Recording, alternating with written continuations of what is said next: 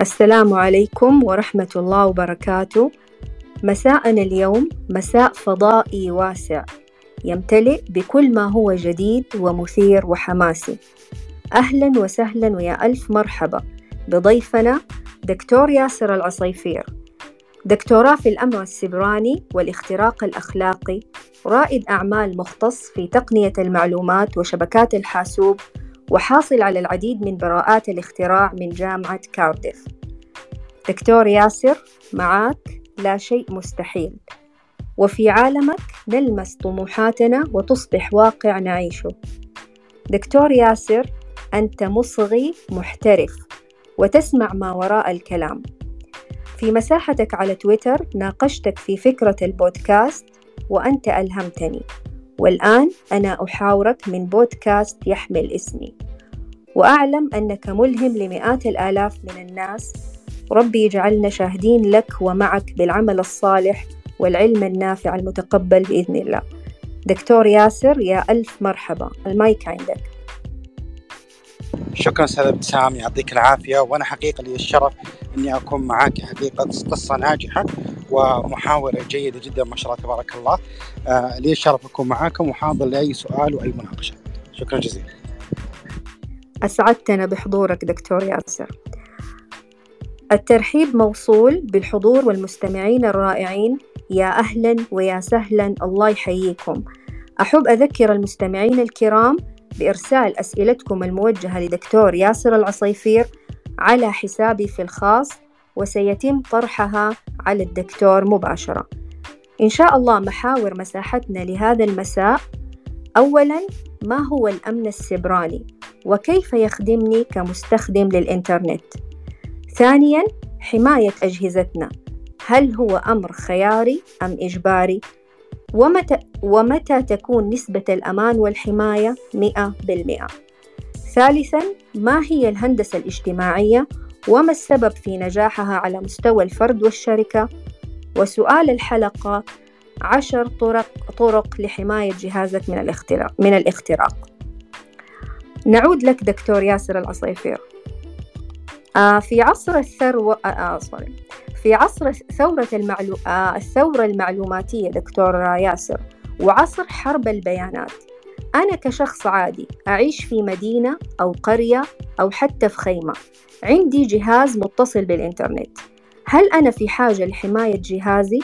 وماذا أحتاج أن أعرف عن الأمن السبراني؟ أتفضل دكتور. شكرا أستاذ ابتسام سؤال مهم جدا حقيقة. آه خاصة الآن الجميع عاش 2022 وعشنا يعني مجاعات كبيرة كورونا والآن حرب روسيا وأوكرانيا وغيرها. وأنت جالس إن شاء الله في نصف الغابة أو في نصف المحيط تستطيع إنك توصلك المعلومات كأنك في في في في في نيويورك ولا في لندن ولا أي مكان بالعالم. الآن أصبح العالم الافتراضي لما أقول عالم افتراضي معناته الإنترنت والشبكات الاجتماعية وغيرها. أو العالم الواقعي اللي أنا وياك بنعيش فيه صار ما في حاجز. صار العالم الافتراضي الواقع هو عالم واحد. خاصه مع التقنيات الجديدة الميتافيرس اللي تطلع السنة هذه من فيسبوك راح يكون يعني هو عالم واحد حقيقي يستطيع الأشخاص من حضور جامعة إن شاء الله جالس في أحد القرى يحضر جامعة في في إكسفورد مثلا في أي مكان بالعالم وهو جالس ويتعلم وحتى أيضا يروح المستشفى ويسوي مقابلة مع الدكتور هو موجود في أي مكان بالعالم. الآن نشوفه بالتطبيقات وغيرها. فسهولة الوصول للمعلومات وسهولة التواصل بين الأشخاص هذه وفرت خدمات كثيرة جدا بالاضافه إلى وفرت تحديات ضخمة وكبيرة اما للافراد أو الحكومات. يعني مثال مرة بسيط صح إن في ميزة كويسة إنك لا عندك تطبيق معين تدخل على مثلا أبشر وتشوف جميع الجواز والسفر وغيرها تطلبها هذه ميزة جيدة لكن نفس الوقت يمكن حكومة ما أو شخص ما يستطيع اختراق حسابك ومعرفة وين رحت وين جيت وحتى يسرق الهوية ويطلع منها قروض وغيرها. هذا الموضوع يعني يعتبر من المواضيع الشائكة جدا. مثلا أعطيك مثال. في أمريكا تقريبا حسب الإحصائيات خاصة موضوع سرقة الهوية تناسب أكثر من حوالي 500 مليون تقريبا ريال. بس موضوع سرقة الهوية. وفي أفلام كثيرة شفناها إنه واحد والله سرق هوية ويركض ورا البنت يقول رجعي رجعي القرض أرجوك. والفيلم هذا كله. هذه مشكله حقيقية هذه من المشاكل اللي نواجهها خاصة مع سرقة المعلومات والحرب الإلكترونية. هذه مثال مرة بسيط كإند يوزر أنا وإنت. أما نتكلم كحكومات وسرقة بيانات واختراقات مصيبة أعطيك مثال هذا صار قبل كم سنة فقط قريبا جدا. نعرف الآن حرب روسيا وأوكرانيا. والحرب هذه مو جديده، الحرب هذه قديمة جدا ومن ضمن الحروب السابقة خاصة تكلم حروب إلكترونية استطاع الجيش الروسي أو فرقة دائما الحكومات بشكل عام أما تعمل تحت جيوش إلكترونية أو يتعاملون مع مجموعات أخرى في نفس البلد. فأحد المجموعات في روسيا استطاعت طبعا الجماعات المرتبطة مع الحكومة استطاعت اختراق أحد المدن في آه، أوكرانيا واختراق نظام سكادا. سكادا هو النظام الإلكتروني اللي يربط عادة في المصانع للتحكم في المصنع مثلا معرفة الإعدادات رفع الضغط وهكذا يعني جميع شركات المياه والكهرباء حول العالم حتى المفاعل النووي وغيرها كلها تعمل أنظمة سكادا وسيمنز تعتبر من الشركات الرائدة في المجال. فتخيلوا مجرد اختراق واحد لنظام سكادا في أوكرانيا استطاعوا يوقفون, يوقفون كهرباء حوالي ربع مليون شخص مجرد اختراق واحد فقط. وأتوقع شخصيا أنا القادم يكون مذهل أكبر. أتوقع شخصيا بكرة إحنا شفنا الآن كلنا موضوع آه إنه والله يخترق جهازك ويشفر البيانات ويقول لو سمحت أعطيني فلوس حتى أرجع لك بياناتك. توقع الشخصي يعني قريب جدا جدا بيكون اختراق للجهاز اللي مثلا في جسمك. ويشفر الجهاز بجسمه يقول لو سمحت عشان أفتح لك الجهاز ادفع لي فلوس حتى أفتح لك الجهاز. فهو صحيح الآن إحنا نعيش في عالم جميل وسرعة خيالية بالتواصل لكن لها تحدياتها الضخمة جدا جدا. تفضل سامسون الله ينور عليك يا رب. آه، دكتور ياسر متى تكون نسبة الحماية والأمان 100%؟ طبعا هذا يتمنى الجميع يتمنى الأشخاص والحكومات كلهم يوصلون للمرحلة هذه لكن المرحلة هذه تقريبا هي آه، مو شبه مستحيل هي مستحيلة حقيقة. ومستحيل نوصل لمرحلة أمان 100% مستحيل يعني. لأن عوامل الاختراق كثيرة جدا. الحين دائما ندرس امن سيبراني وغيرها ما ندرس فقط مثلا اختراق الأنظمة هذا جزء واحد فقط من الاختراقات. ندرس أيضا physical security و management security وغيرها. أعطيك مثال مرة بسيط جدا.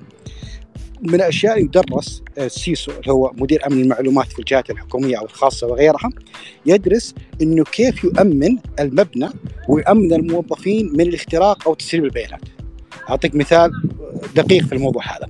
موضوع ال physical security أيضا إحنا ندخل في تفاصيل دقيقة يمكن ما تلاحظونها موضوع الدرج.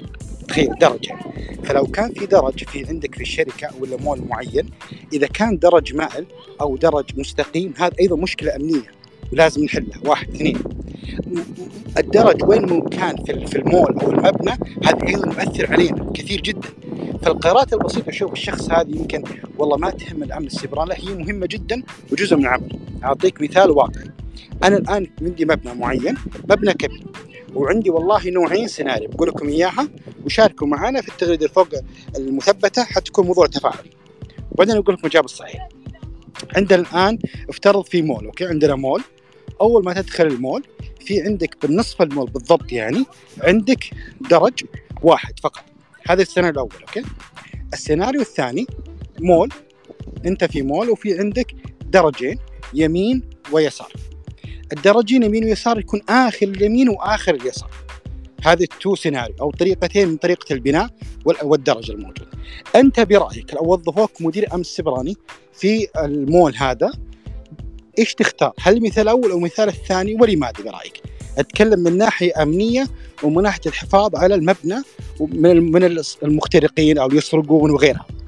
فكر يعني ثينك يعني فكر خارج الصندوق وفكر كأنك حرامي وشوف أي سيناريو يمكن يسوي لك مشكلة أكبر. أقول مرة ثانية السيناريوين وشاركوا معي بالتغريده اللي فوق أو عشان أشوف التغريدات أنا بدخل معاكم التغريدة اللي فوق شوف المشاركات واقول لكم السيناريو مرة ثانية أوكي؟ السيناريو الأول مول في درج واحد بالنص فقط بس واحد نصف المول بالضبط. هذا السيناريو الأول. السيناريو الثاني المول ما في درج بالنص في درج آخر يمين وآخر اليسار. أنت برأيك كموظف امن سبراني تختار أي خيار للمول للمول حقك. ولماذا؟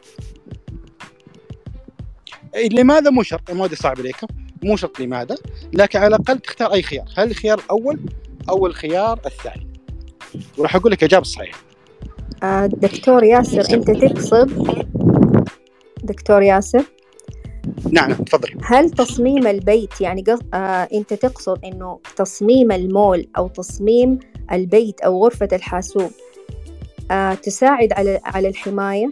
يعني هل هناك تصميم ممكن أنا أصمم بيتي وغرفة الح... الحاسب الآلي آه تساعدني على حماية جهازي؟ تقريبا لكن أنا ودي أكبرها للشركة آه إنه والله أنت في مول مثل خلينا نقول دبي مول أو مثلا آه ري- رياض مول زي كذا مثلا. إن عندنا two scenario بال- بالدرجة الموجودة للمول. يصعدون في عندنا مثلا نقول دورين. المول هذا فيه دورين دور ودور ثاني وما عندنا مصعد عندنا سلم فقط يعني. فأي سيناريو برأيك أنت من ناحية مني أفضل؟ هل السيناريو يكون عنده درج واحد فقط لجميع الزوار يروحون الدور الثاني بالمنتصف فقط أو السيناريو الثاني عندي درجين يمين ويسار. حتى العملاء يستطيعون يروحون الدور الأول والدور الثاني. في إجابات الآن. زهر تقول الأول. آه هنوف تقول الثاني. هو أصعب. آه مشا آه منال تقول الثالث. هو الخيار الثالث. أشوف في مشاركات أخرى بعد. إيروب يقول واحد. ويقول اثنين أصعب. ممتاز. طيب الإجابة الصحيحة من ناحية أمنية أتكلم أنا هو طبعا الجواب الأول يكون درج واحد فقط. مع أنه هو أصعب لاحظ درج واحد فقط أصعب. أما الدرجين يمين يسار هو أسهل للمستخدمين. لكن أنا كأمني مهمتي أسوي حماية للمول هذا من السرقة ومن الاختراق. مش معنى اختراق؟ يعني سرقة إما أما مثلا سرقة ملابس من الدور الثاني وغيرها. فلو كان السراق أو المخترق مثلا حس إنه والله بأمان يستطيع سرقه شيء من الدور الثاني ويروح الدرج يمين أو يسار وما حد ينتبه له كثير جدا ويهرب هذه نسبة النجاح أعلى. أما لو حس المخترق اسميه خلي نفس التصميم هو تصميم يب يبعث في خوف الموظف أو خوف اللي الزائر يدخل إنه يستطيع السرقة المعلومات، فهو لو حس يسرق إنه من الدور الثاني مضطر ينزل في نصف المول بالضبط والناس تشوفه والسكيورتي يشوف كل حاجة فبالطريقة هذه يخاف يتجرأ يسرق البيانات. أعطيك مثال ثاني بعد وشوية تركي بعد. الآن إحنا عندنا مثلا خلينا نقول تروح مثلا شركة اتصالات وتاخذ والله شريحة. الموظف اللي قدامك يكون والله عنده جهاز مثلا في عنده تو سيناريو. في جهاز يكون والله الشاشة على وجه الموظف بالضبط. وال وال والعميل يطلب شريحة قدامه لا يستطيع مشاهدة الشاشة ابدا. هذا النوع الأول. النوع الثاني لا أنا جالس وقدامي العميل لكن الشاشة بيني وبين العميل مائلة فالعميل يشوف الجهاز حقي أنا وش قاعد يسوي وش قاعد يدخل بالنظام أنت برأيك نفس الطريقة شاب وش وش ما هو المثال الأكثر امنا للشركة انت موظف شركة عندك والله جهه اتصالات ولا غيرها وش الخيار الأكثر امانه؟ هل الخيار الأول إني والله الموظف قدامي العميل قدامي وما يشوف جهاز الموظف يغطيه كذا أو السيناريو الثاني إنه العميل قدامي لكن الشاشة شوية مائلة ويستطيع مشاهدة آه ويستطيع مشاهدة الشاشة. من ناحية تكلم من ناحية الشركة. شو المشاركات؟ ممتاز. في في أكثر من واحد يقول اثنين في واحد مثال واحد. آه طيب ويقول واحد. طيب الإجابة الصحيحة بنات شاف هو الخيار الثاني وليس الأول. ليه؟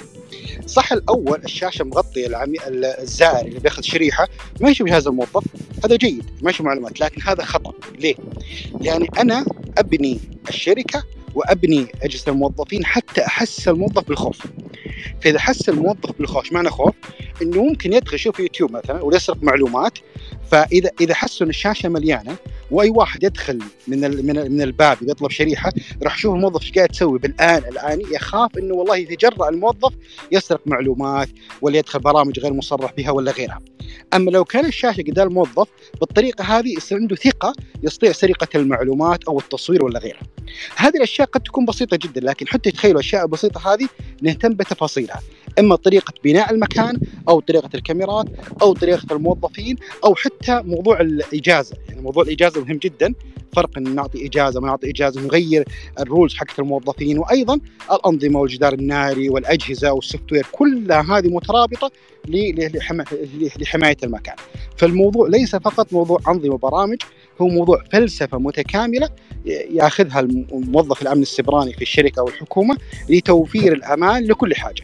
نسميه assets ال assets حقتي من ضمنها السورس كود من ضمنها البرامج من ضمنها الموظفين من ضمنها براءة اختراع من ضمنها كل هذه أنا مهمتي احميها بشكل كامل.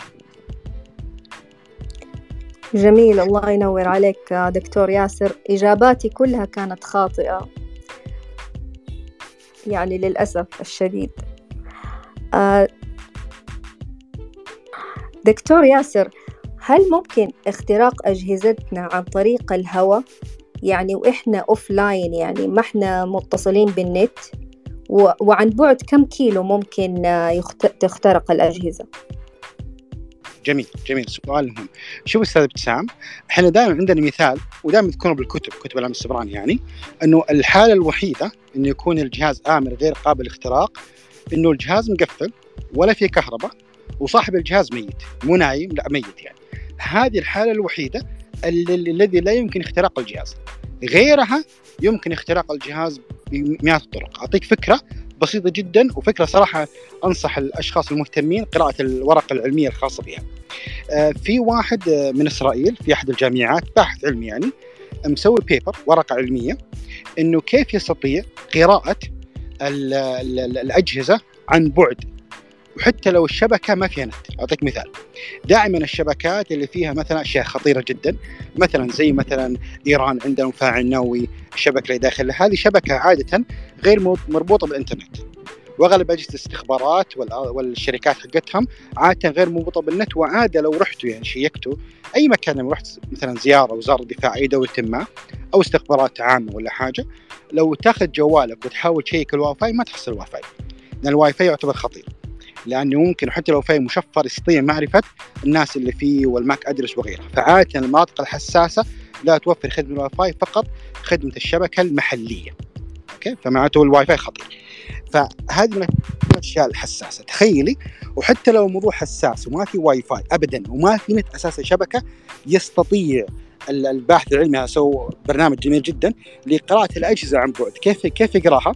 إنه ينزل فيروس برنامج معين في جهاز الضحية بالشبكة المفصولة والفيروس هذا داخل الرام والسي بي المعالجة يرسل مثل الموجات الكهربائية داخل الجهاز معالجة يعني أعلى وأقل بطريقة معينة ويستطيع إذا كان جهاز بعيد جدا عن الشبكة في أنتنة معينة يقرأ الموجات هذه اللي طالعة من الجهاز من خلال الموجات النازلة والطالعة بنسبة معينة يستطيع إرسال بيانات وحروف للجهاز عن بعد.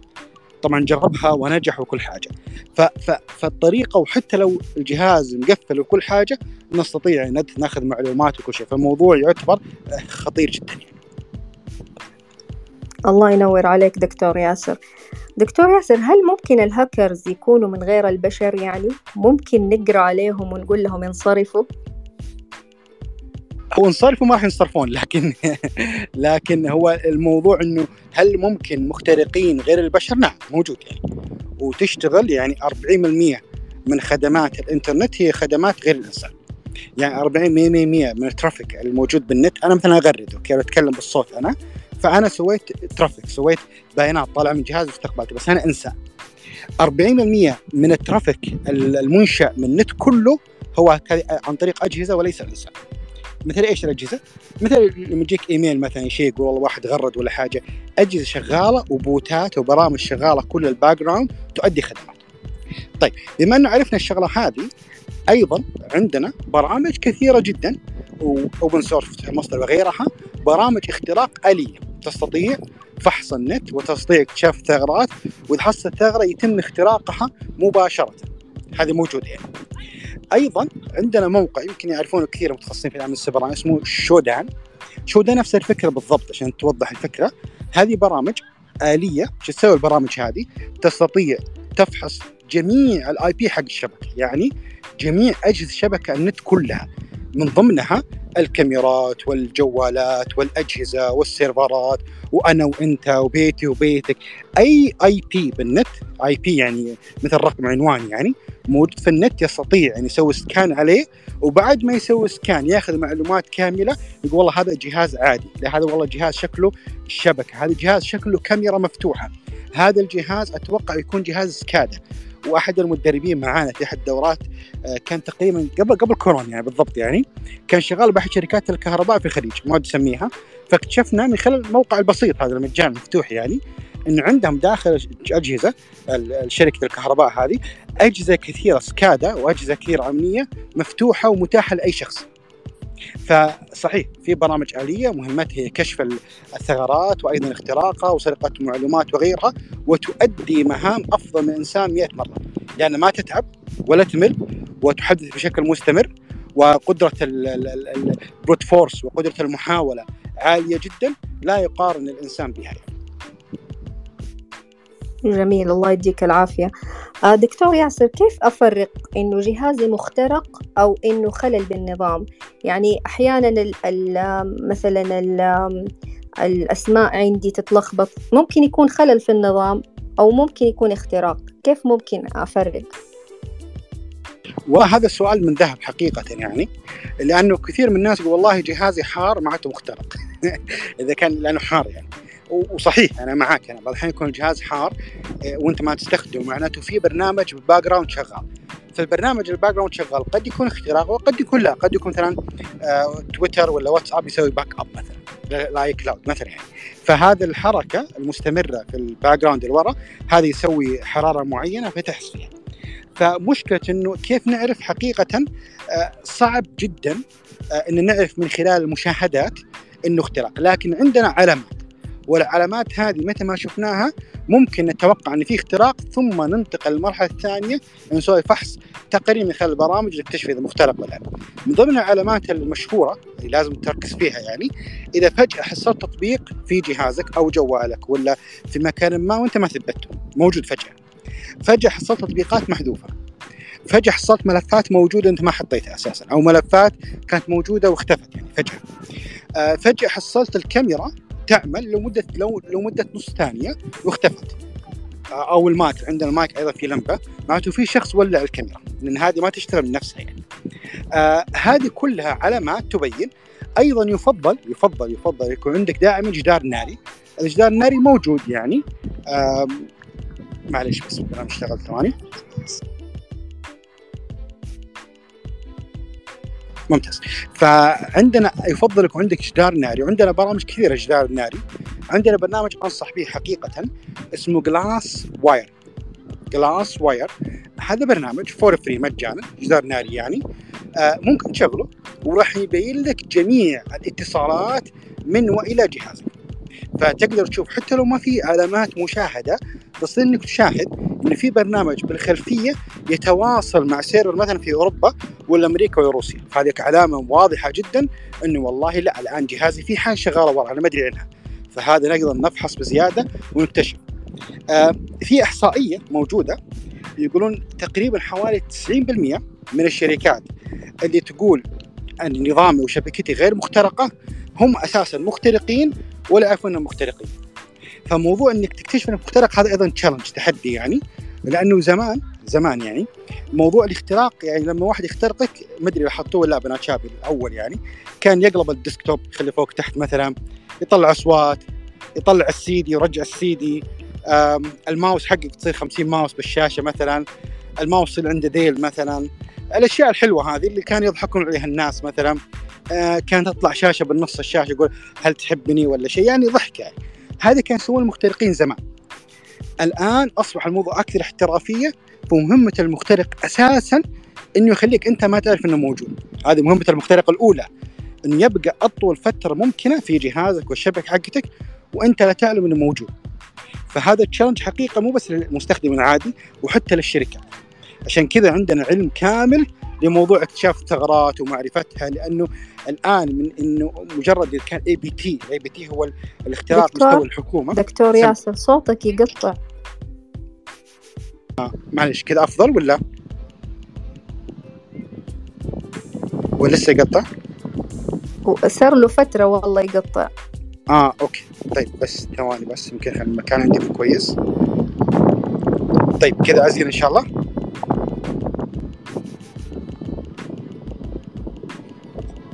كذا أفضل ولا نفس المشكلة؟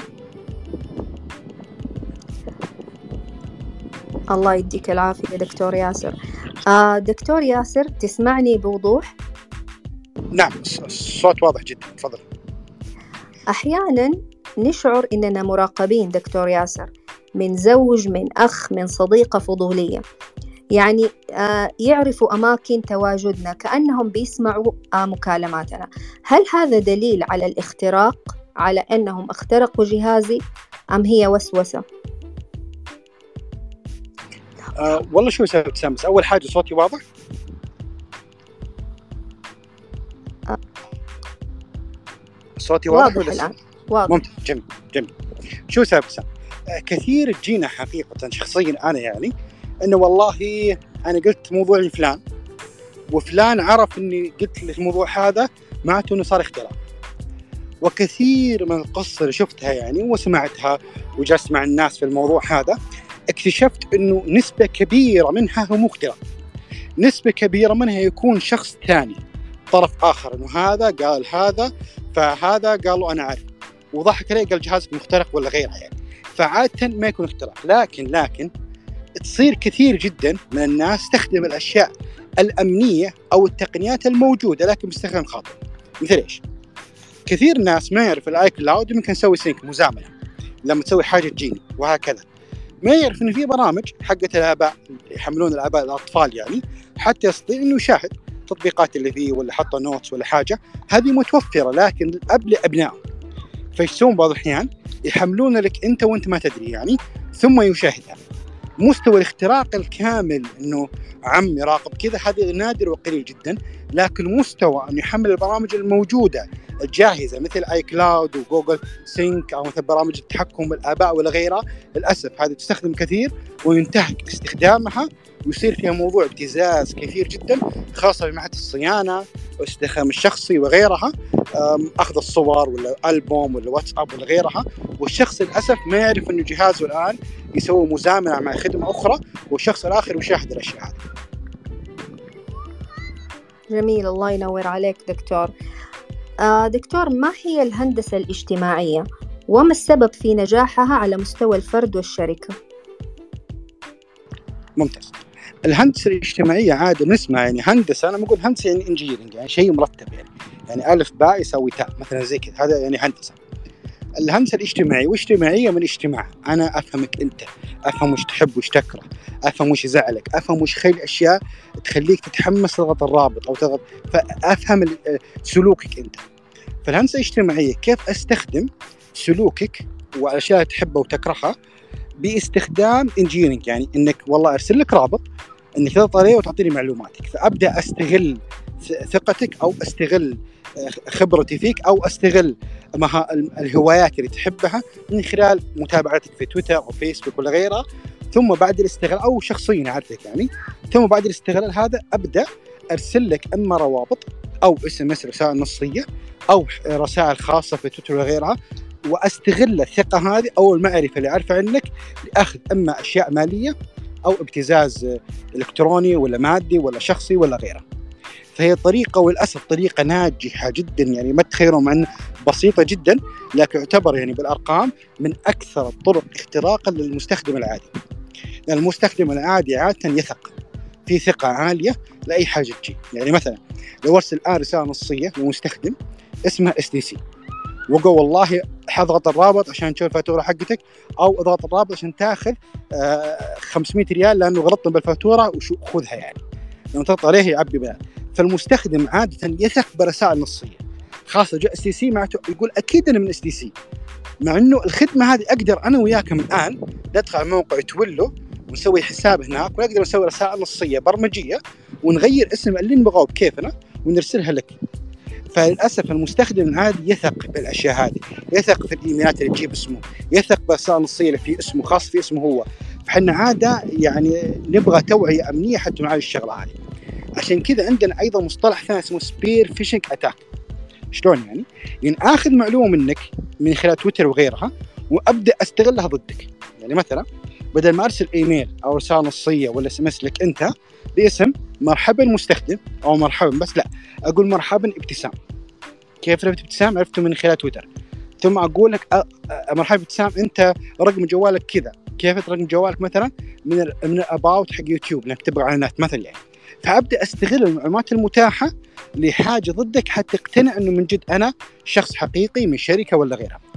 الموضوع هذا مع أنه بعض يشوفه مرة بسيط لكن حقيقة سبب خسائر كبيرة جدا في أحد الشركات بالخليج من أهم الشركات بالعالم كلها من الشركات العشر الأولى بالعالم هي رقم واحد منها يعني. تخيلوا بايميل إرسال إيميل واحد فقط للشركة وغير يعني ال domain المرسل هو طبعا الشخص يعرف هو في موضوع بيع وشراء من الشركة هذه لشركة أخرى فشخص داخل شركه ثانية يعرف الموضوع. فحجز domain مثلا أعطيك مثال عندنا موقع اسمه BBB, BC dot com. فحجز مثلا BCB dot com غير حرف بحرف. وأرسل للشركة هذه قال لو سمحتوا غيرنا حسابنا البنكي هذا حساب بنكي الجديد. وش سوى المستخدم؟ صدق المحاسب يعني أخذ الحساب الجديد وحول حول لهم تقريبا إذا ماني غلطان يعني 14 مليون أو 40 مليون حدها في أربع أيام 14 مليون ريال للحساب الآخر. فتخيلوا خسارة بالملايين مقابل غلط domain يعني حرف بدل حرف يعني. هذه أيضا هندسة اجتماعيه spear phishing attack هو عارف الموضوع فاستغل الموضوع والمعلومات اللي عنده للضحك على الشخص الآخر. طبعا هذه للاسف للأسف مع إنها خطيرة جدا لكن ما لها علاج. يعني ما عندنا يتمنون يتمنون الأمنيين إنه في جهاز ولا في إبرة ولا مثل آه كورونا أعطيك إبرة كذا وخلاص ما يصير ما يصير في عندك معارضه هندسه اجتماعيه لا يوجد. الحل الوحيد اللي كل الشركات تسويها مجبورة كل سنة في ميزانية ثابتة لكل الحكومة والشركات يسوون توعية أمنية. توعية أمنية تختلف مستوى التوعية الأمنية لازم نسوي توعية أمنية للوزير والموظفين العاديين وتوعيه امنيه حق الأمن السيبراني توعيه امنيه حق التقارير وتوعيه امنيه للعملاء اللي يدخلون موقع الوزارة ولا غيره. فلكل مستوى توعيه جرعة مختلفة حتى نحارب آه، تسريب البيانات أو الضحك عليه كنسة اجتماعية ولا غيره. جميل الله ينور عليك دكتور ياسر. آه، دكتور أستأذنك الآن نبغى نخير المستمعين طبعا. آه، عندنا سؤالين يختاروا آه حنطلب منك دكتور آه تقص تخبرنا بقصة أغرب قصة حدثت في الاخت... آه في اختراق الأمن السبراني أو إننا نسألك بعض الأسئلة الشخصية. إذا اختيارهم كان آه قصة أغرب قصة عن آه عن الاختراق في الأمن السبراني يعطونا قلب أحمر. وإذا كان اختيارهم أسئلة شخصية للدكتور آه، ياسر العصيفير يعطونا قلب أصفر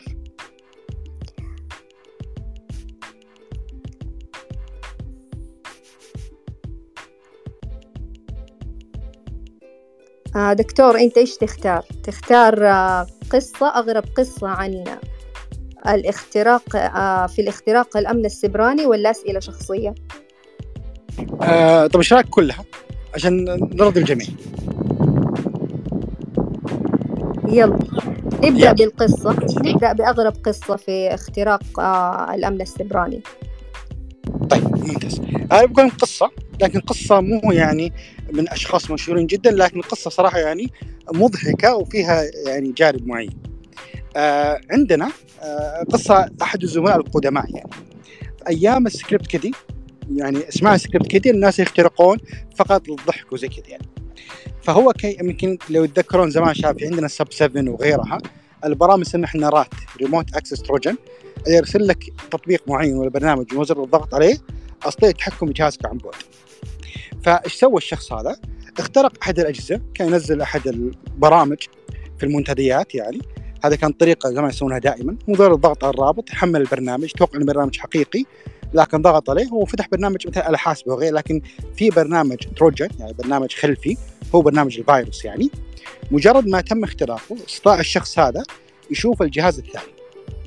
فكان يشوف ال screenshot ويشوف آه، زي TeamViewer يشوف جهازه بالضبط الثاني وش قاعد يسوي.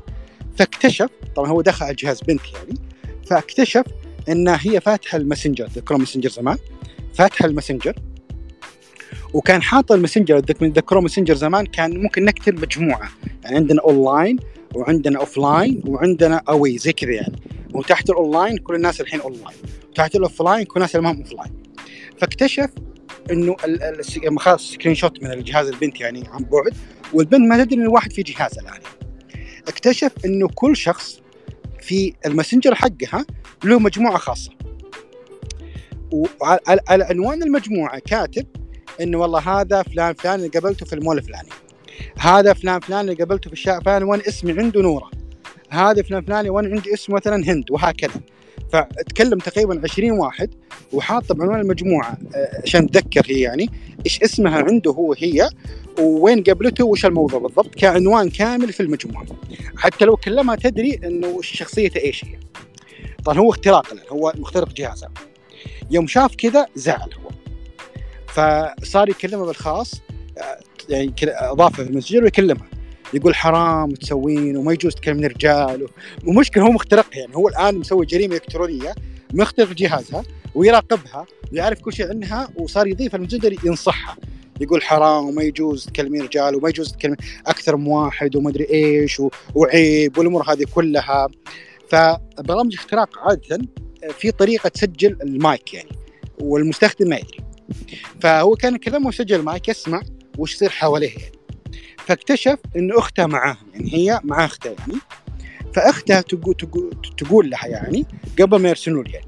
تقول تقول لها قولي له يعني قولي المخترق يعني إنه أذن الفجر عندنا وخلاص إحنا تأثرنا يعني ونبغى نتوب وآسفين ولا تعلم أحد وخلاص يعني.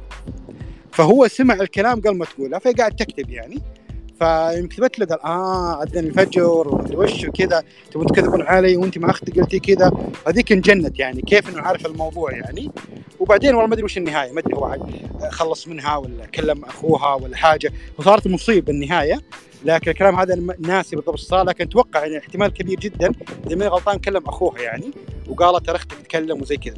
فهذا هو اللي مسوي جريمة إلكترونية ويبي ينصح الناس لا تسوي جريمة يعني. فهذا أحد القصص يعني. تفضل سمسم جميلة جدا الله يديك العافية. طيب نبدأ بالأسئلة الشخصية دكتور ياسر مستعد؟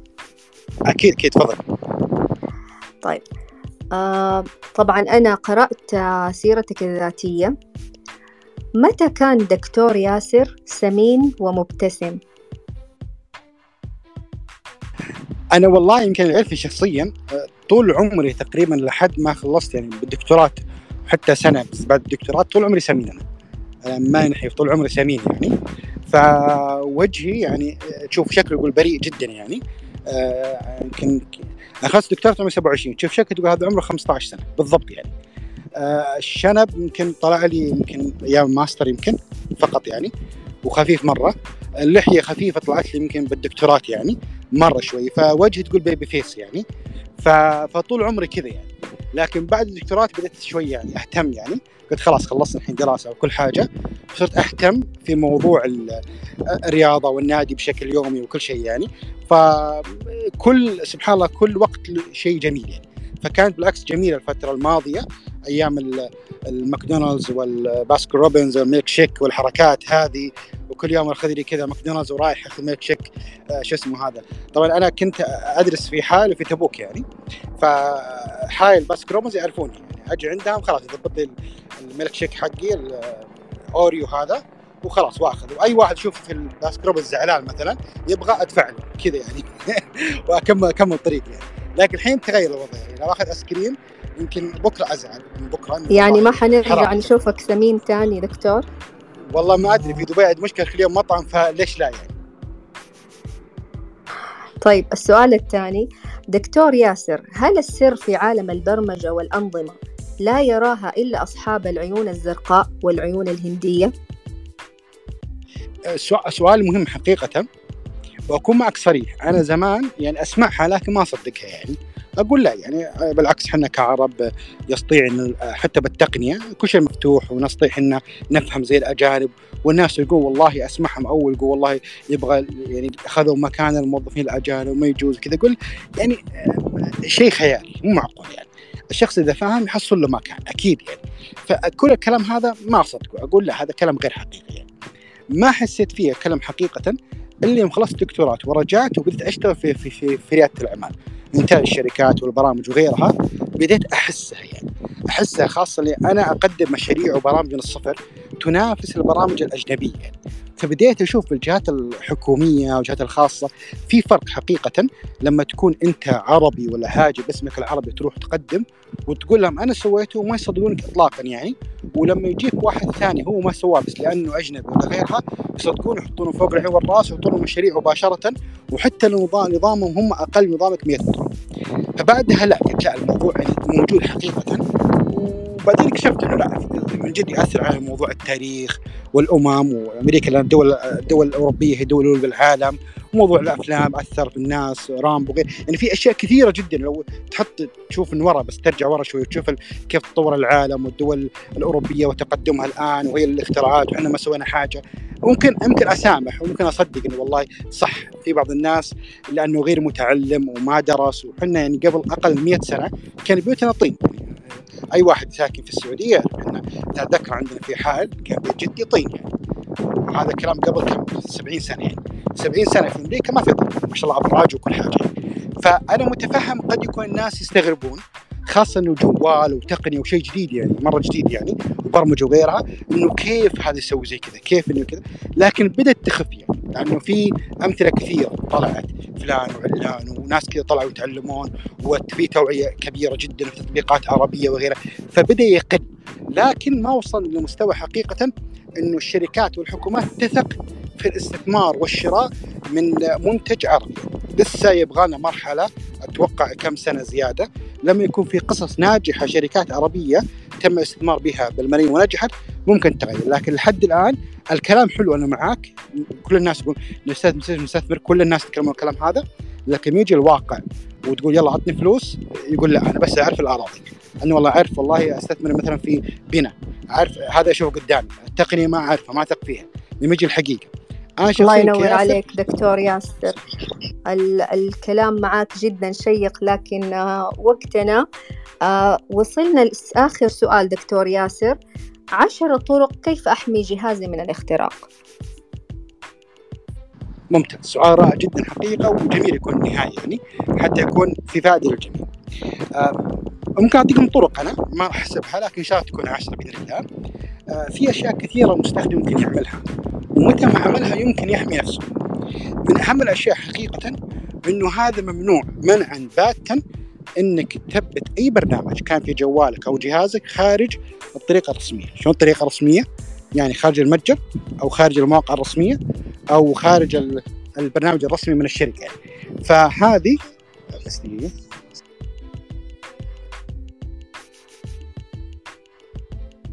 ممتاز. فالطريقة هذه لو سويناها نقدر نحمي يعني تقريبا خلينا نقول 50 من الاختراقات بالطريقة هذه.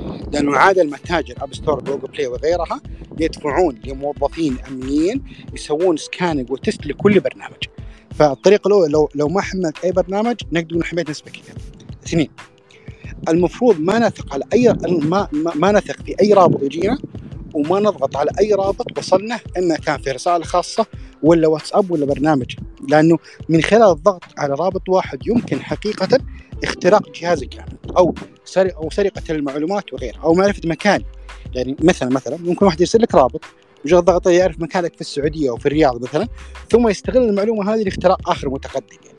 المفروض ما اضغط على رابط. وإذا جاني رابط وشاك فيه ندخل موقع virus dot com وا check هذا رقم اثنين. رقم ثلاثة المفروض إنه دائما أسوي مثلا أرقام سرية مختلفة لكل منصة من منصة. يعني تويتر رقم سري مختلف فيسبوك رقم سري مختلف.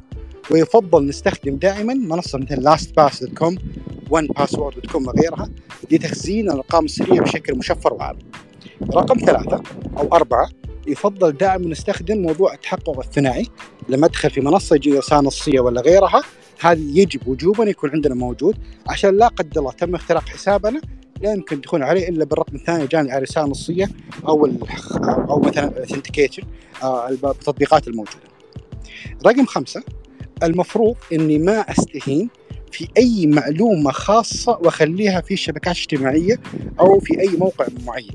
لأن المواقع هذه يمكن استغلالها وتخزينها ومعرفة فهم وش تحب وش تكره وغيرها واستغلال الاختراق مستقبلا تشوفون الآن يعني مثلا أي واحد يتكلم كلمة مثلا في تويتر بعد عشر سنوات يحصل إنه والله ودي يحذف يعني لأنه هذه ممكن تؤخذ عليه. أو مثلا آه، في رقم جوال أو مثلا في إيميل أو مثلا مثلا. فالمفروض إن ما نطلع أي معلومة حتى لو تشوف إنها يعني لو نص بالمية شاك إنه ممكن بكرة أو بعد عشر سنوات تؤخذ ضدك نصيحة لا تذكرها. لأنه حقيقه ما عندنا مشكلة مع ياسر محمد. عندنا مشكلة مع البرامج الجاهزة والآلية اللي تدور النت كلها وتخزن backup لكل حاجة في الشبكات الاجتماعية والمواقع وأنت ما تدري وين مكانها. اعطيك مثال مرة بسيط. عندنا جامعة في السعودية اعرفها شخصيا يعني. أه تجمع تقريبا يوميا مئات آلاف ال tweets يعني تخزنها لعشر سنوات طويلة جدا. هدفها مو هدف استخباراتي وغيره هدفها هدف بحثي يعني. والله يعرفون الناس مثلا مواضيع اللغة العربية وش كانوا يحبون يكرهون. موضوع بحثي يعني. لكن هذه مصدر واحد قلت لك إياه. في غيره كثير جدا من الشركات والجامعات يخزنون كل حاجة. فحتى لو حذفتها بكرة ترى مخزنة مكان ثاني. فنصيحة انتبه خاصة ال business التغريدات سنابات هذه الشركات تبيعها بفلوس. يعني ال history كامل حتى لو حذفته عندهم backup يبيعونه لشركات أخرى يعني. آه تقريبا هذه أهم الأشياء. ممكن نقفلها بس في موضوع ال update مهم جدا. إنه لازم إنك تحدث. لا تستهين لا تقول والله التحديث يبطل جوالي ولا يبطل كذا. لا, لا التحديث ترى مو بس أشكال جميلة التحديث مو بس إيموجي جديدة. التحديث هو أهم شيء يعني إغلاق ثغرات موجودة. فإذا تأخرت في أي تحديث ما معناته أن جهازك معرض عن الاختراق يمكن اختراق في أي وقت. فيجب أنك مباشرة أي تحديث وصلك بالجوال أو الجهاز تسوي مباشرة ولا تستهين بالتأخير اطلاقا. الآن في عندنا ثغرة اسمها Log4j. قبل تقريبا بس أسبوعين يعني. أول ما نزلت اخترقوا مواقع حكومية كثيرة وشركات كثيرة مجرد أنك لو تأخروا update لمدة ساعة بس تخيل. اخترقوا مواقع ضخمة جدا. فكل دقيقة تاخير ما تسوي update هذا ضرر لك أنت شخصيا ولا الشركة والمؤسسه أنت فيها. الله ينور عليك دكتور ياسر وييسر أمورك كلها يا رب. آه، بسطت لنا الأمن السبراني وأعطيتنا خطوات آه، عملية. الله يجعله إن شاء الله في ميزان حسناتك. آه، رسالتك للمستمعين دكتور قبل نختم. الله يعطيك العافية ابتسام أول حاجة صراحة يعني اتشرف اكون معك حقيقة وأنا أتذكر أول مرة كلمتك في المساحة وقلت لي فكرة البودكاست وحقيقة يعني ما شاء الله تبارك الله الآن صار واقع وليس فقط فكري يعني مو واقع واقع ناجح الآن. يعني ما شاء الله تبارك الله يعني البودكاست الثالث مو الأول يعني متأكد إن شاء الله أتشرف في البودكاست رقم 300 معك إن شاء الله وتكون من ان شاء الله من أفضل البودكاست الموجود وقصة جميلة من أي شخص براسه فكرة الآن ابدأ حولها لواقع. ما في أحد بيجي يساعدك من فوق. أنت خذ الخطوات وحولها إلى واقع. في أي مجال تحبه كل مجال جيدة أما كان بودكاست أما كان رسم أما كان برمجة أما كان استبراد أي مجال ما ابدأ فيها باذن الله تصل إن شاء الله. أما نصيحتي الموجودين معانا أول شيء شكرا على الاستماع. الشغلة الثانية لا تخلي أحد اطلاقا اطلاقا يحطمك اطلاقا في أي كلمة. كثير يجينا عندنا أفكار مشاريع تقول ابدا فكرة معينة مشروع معين ما يقول آه أنت يا أخي ما تعرف أنت ما أدري إيش وكذا. أشياء هذه تحطمك خل أي واحد يقول لك لو أي تحطيم معين وصلك اعتبرها هي تحدي لك أنت إنك تنجح. مو عشان هو عشانك أنت يعني. فأي نقطة تجيك وحتى لو كان نقطة تحطيم أو نقطة تقليل من شأنك اعتبرها هذه نقطة تحدي لك أنت إنك لا أنا مو بس عشانك عشاني أنا أقدر أنجح وأصير أفضل من الكلام اللي تقوله لأن الناس عادة يعني يمكن يقولها بطيب نية يمكن يقولها بمو طيب نية. قليل جدا اللي يبغى لك الخير. فأنت دائما خليك أنت مع نفسك تتحدى حتى تتميز إن شاء الله وبعدها إن شاء الله تكون من أفضل الناس. شكرا جزيلا ويعطيكم العافيه آه شكرا للدكتور ياسر العصيفير دكتور في الأمن السبراني والاختراق الأخلاقي على تلبية دعوتي. ربي يجعل أجر هذا المجلس في ميزان حسناتك دكتور. آه شكرا للحضور والمستمعين المشاركين بأسئلتهم الرائعة. آه نختم إن شاء الله. سبحانك اللهم وبحمدك. أشهد أن لا إله إلا أنت أستغفرك وأتوب إليك. أستودعتكم الله وفي أمان الله جميعا.